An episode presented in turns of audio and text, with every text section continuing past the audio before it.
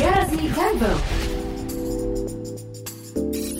Welcome to Garasi Convo, a weekly podcast by Garasi Co-working Space. We're going to bring up an inspiring story in every episode. So if you're ready, let's sit back and enjoy our convo.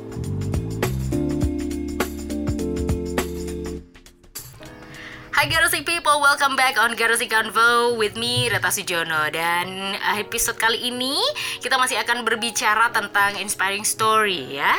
Siapakah yang akan kita ajak ngobrol kali ini? Yang pasti ini juga salah satu uh, sahabat saya, teman dekat saya. Bukan asal dari Surabaya karena dia sekarang lagi berdomisili di Bali ya. Nanti akan ada uh, Rico Sinaga, dia ini salah satu um, orang yang cukup kreatif di mata saya Karena dia seorang full time video editor, videographer dia juga seorang travel blogger dan dia sempat juga uh, mengikuti internship di uh, Amerika Serikat yaitu di Delaware.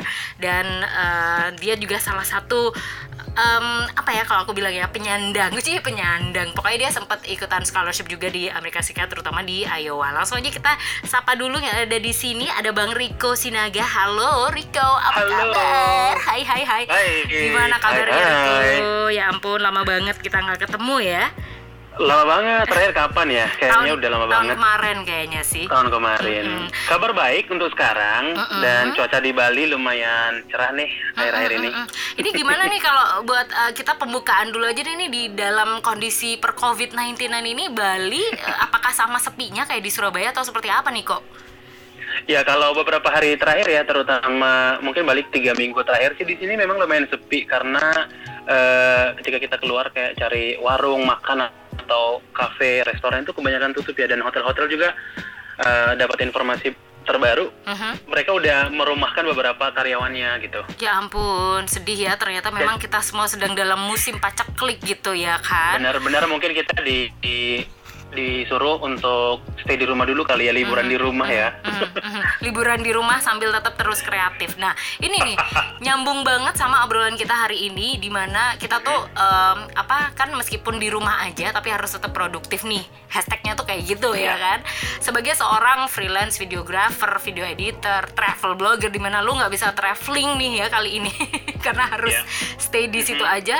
Apa sih yang Rico lakukan gitu loh untuk mengantisipasi kebosanan dan ketidakproduktifan di situasi kayak gini, Rico? Iya. Nah sebenarnya ya kalau aku pribadi eh, sebagai full time freelancer, Mm-mm. artinya memang waktunya dihabiskan 24 jam benar-benar untuk eh, kerjaan freelance ya, Ber- beberapa eh, kerjaan yang harus diselesaikan di rumah.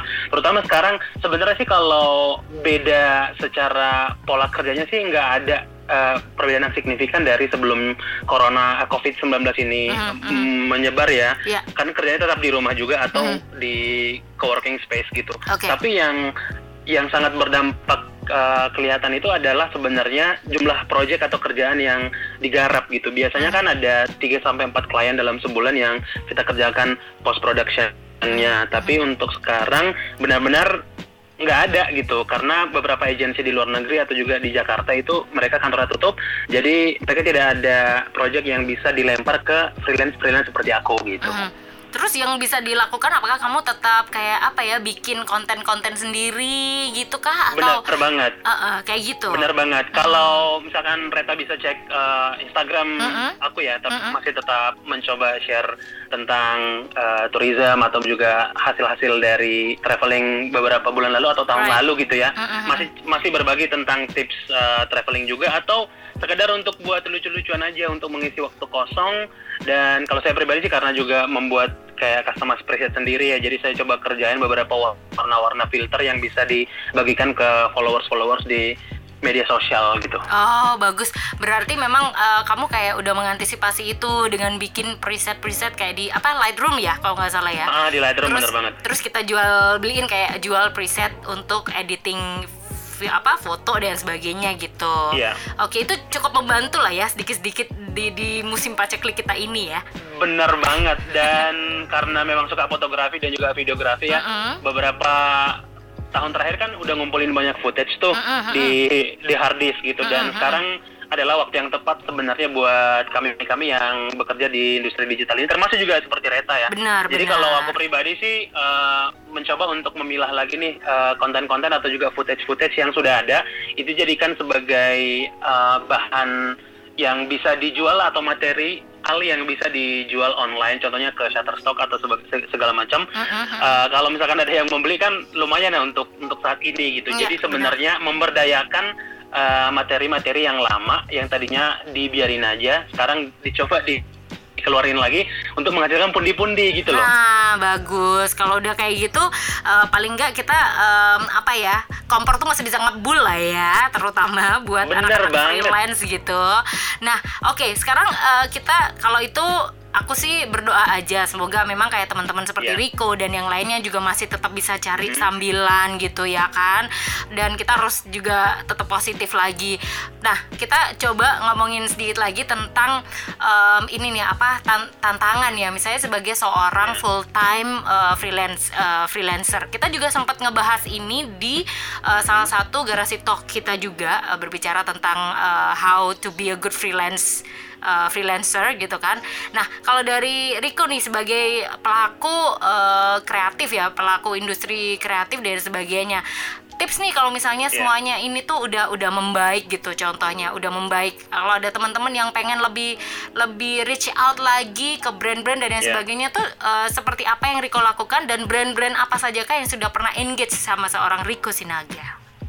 Ya, sebenarnya kalau uh, untuk saat ini klien-klien yang lama sebenarnya kan mereka tidak meninggalkan kita ya, tapi untuk sekarang kan beberapa proyek itu di postpone atau ditunda dulu Mhm. sampai nanti musim musim wabah ini berakhir baru kita akan mungkin lanjut lagi proyek-proyek Oke. yang ada.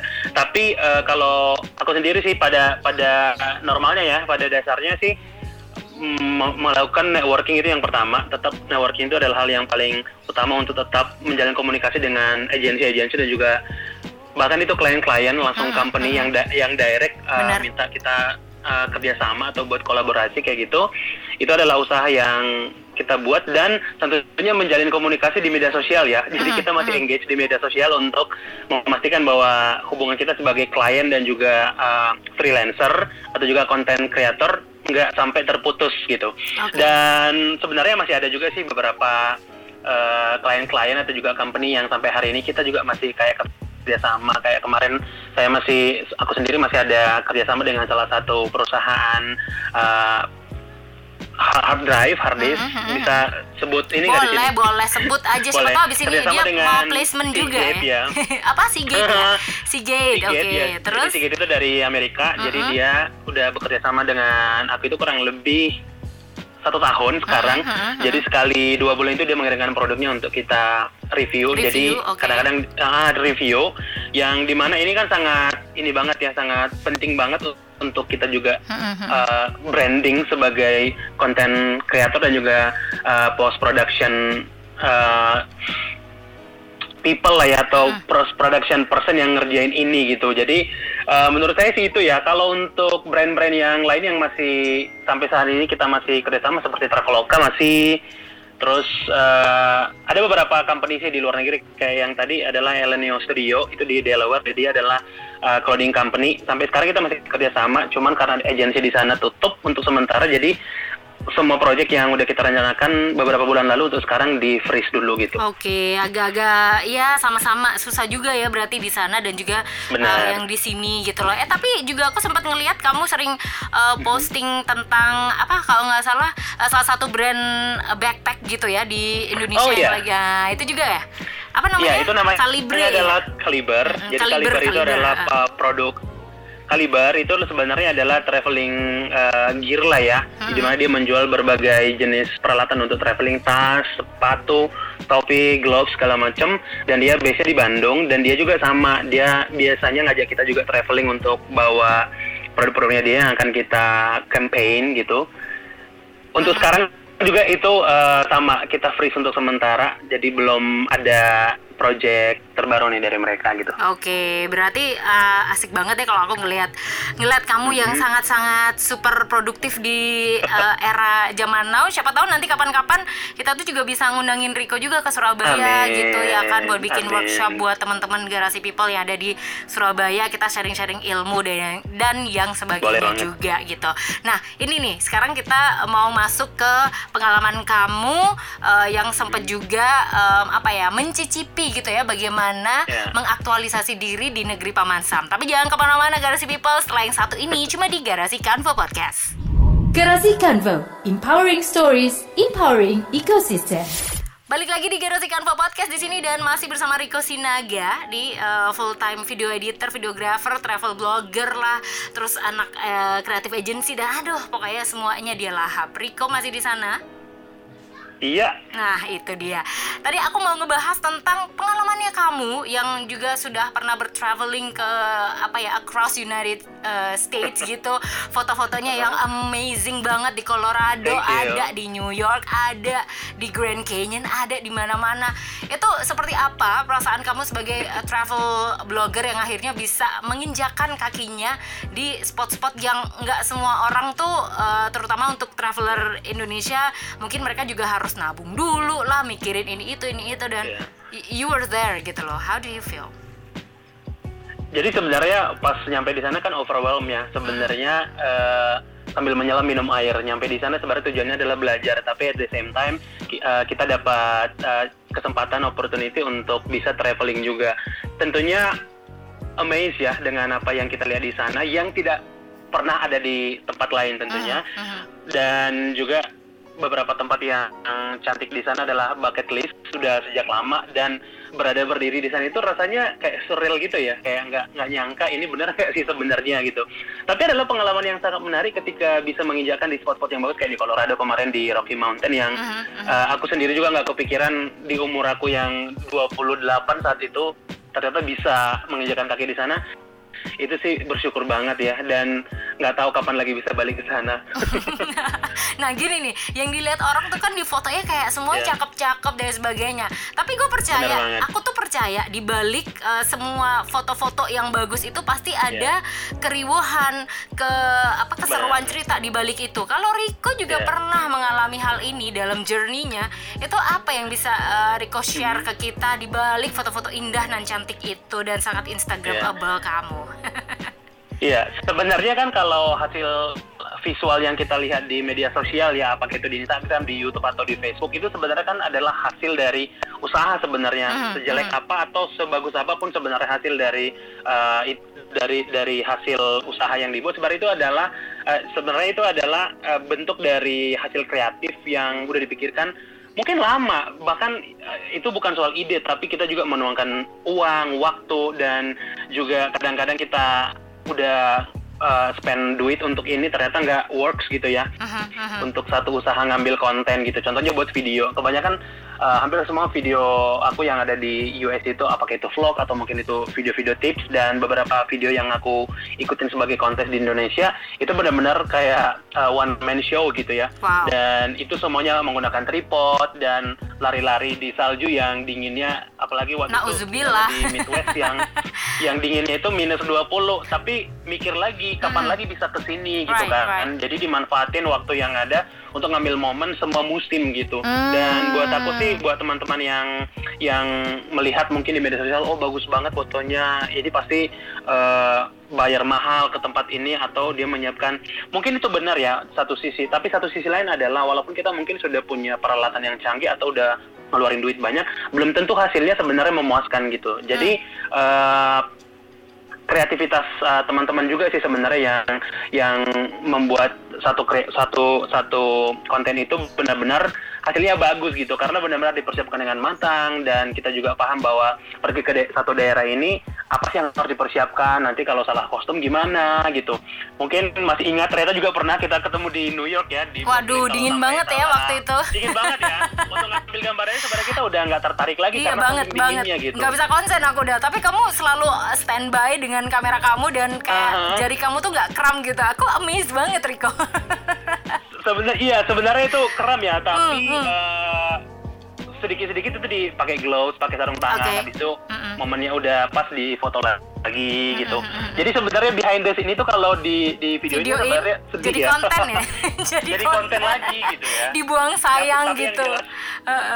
Terus Benar, tapi yang jelas sebenarnya untuk buat konten itu benar-benar butuh uh, persiapan yang matang sih kalau aku bilang. Dan tentunya teman-teman harus stay safe ya, benar-benar harus uh, preparation itu harus harus matang banget untuk uh, membuat satu konten lah biar nanti hasilnya juga nggak mengecewakan gitu. Oke, keren banget sih. Karena nanti kita juga pengen mengulik lebih dalam lagi gitu ya kan. Tapi karena kita juga waktunya nggak nggak mau nyita Ya. waktunya Riko yang juga mungkin sibuk lagi ada di Bali gitu, lagi mungkin juga lagi nyambi yang lain-lain. Kita doain aja mungkin next time eh, Riko bisa mampir ke Surabaya biar kita undang ke garasi coworking Boleh space gitu banget. ya. Boleh banget, pasti berkabar dong kalau ke Surabaya. Of course, of course, my friend. Pokoknya ditungguin aja. Buat kamu yang mau tahu Ya. sep- seseru apa perjalanannya eh, perjalanannya Riko, langsung aja cek di @Rico Traveling. Rikonya itu pakai R I C H O ya, bener ya. Terus Bener banget. traveling disambung aja. Terus kamu juga bisa cek eh, karya video editingnya dia juga yang ciamik abis. Pokoknya itu adanya di mana? YouTube channel kamu masih aktif YouTube sampai channel sekarang? sama Rico Traveling juga. Rico Traveling. Buat yang mau tahu preset Lightroom-nya dia juga silakan aja dicek di mana bos? Ada ya di IG kamu Instagram, ya. Instagram. Traveling. mm-mm. Mhm. Terus langsung aja di purchase di situ. Oke. Sekali lagi thank you banget Rico buat waktunya untuk kita ajak ngobrol. Thank you, Reta. Di kala pandemi COVID-19 aku juga masih bisa produktif telepon kamu dan kita masih bisa sharing session di sini. Yes. Thank you, sukses terus dan sehat buat eh, Rico dan teman-teman di Bali sana ya. Thank you ya. Bye bye. Bye. Itu dia Garasi People obrolan kita bersama uh, Riko Sinaga di Bali. Kita nanti juga akan hubungi teman-teman yang lain, mungkin dari tempat-tempat uh, yang lebih jauh lagi seperti apa. Kamu harus terus stay tune di sini di Garasi Kanva Podcast from Garasi Coworking Space Empowering Ecosystem. Thank you for listening Garasi Convo. Don't forget to follow our podcast channel and our social media at garasi.coworkspace. We'll see you soon on another empowering stories. Garasi Convo, empowering ecosystem.